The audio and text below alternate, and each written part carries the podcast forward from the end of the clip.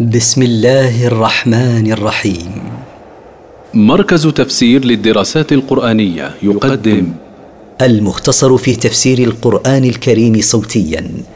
برعاية أوقاف نوره الملاحي. سورة الغاشية مكية من مقاصد السورة.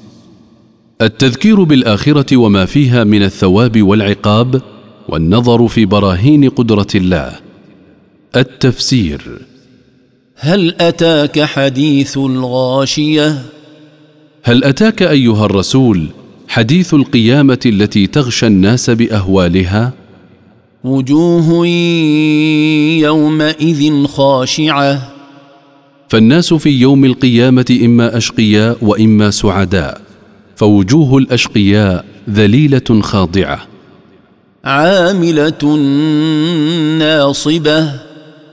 متعبة مجهدة بالسلاسل التي تسحب بها والأغلال التي تغل بها. تصلى نارا حامية. تدخل تلك الوجوه نارا حارة تقاسي حرها. تسقى من عين آنية. تسقى من عين شديدة حرارة الماء. ليس لهم طعام إلا من ضريع. ليس لهم طعام يتغذون به إلا من أخبث الطعام وأنتنه.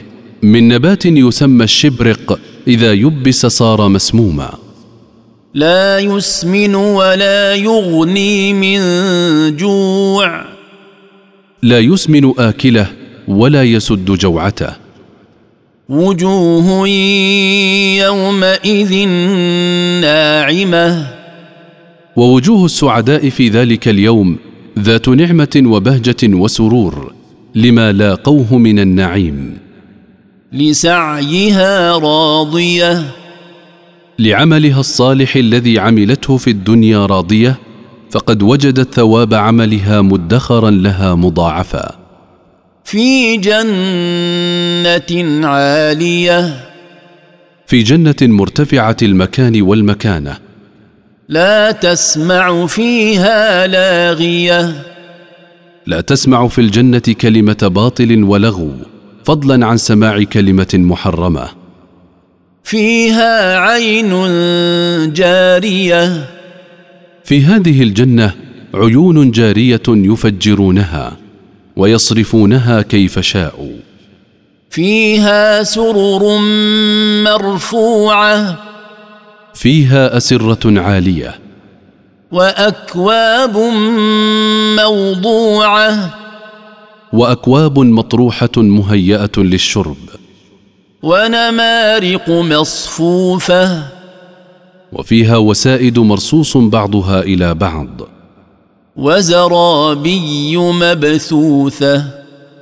وفيها بسط مبسوطة هنا وهناك. ولما ذكر الله تفاوت أحوال الأشقياء والسعداء في الآخرة وجه أنظار الكفار إلى ما يدلهم على قدرة الخالق وحسن خلقه ليستدلوا بذلك على الإيمان ليدخلوا الجنة فيكونوا من السعداء فقال أفلا ينظرون إلى الإبل كيف خلقت؟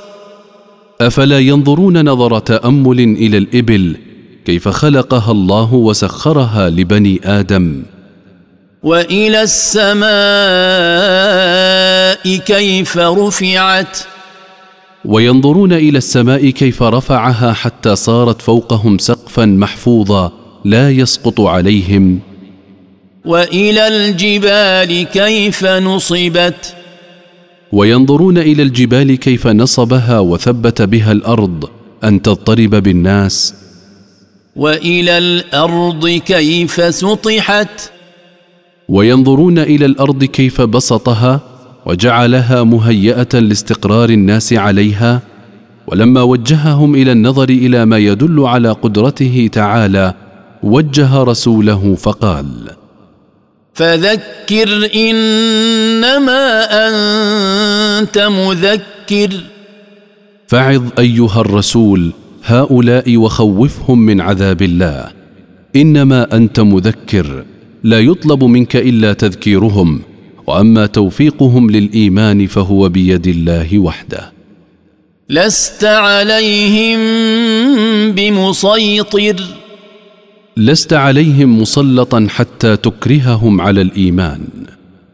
إلا من تولى وكفر. لكن من تولى منهم عن الإيمان وكفر بالله وبرسوله. فيعذبه الله العذاب الأكبر.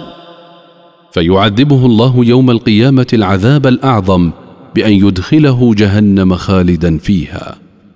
إن إلينا إيابهم. إن إلينا وحدنا رجوعهم بعد موتهم.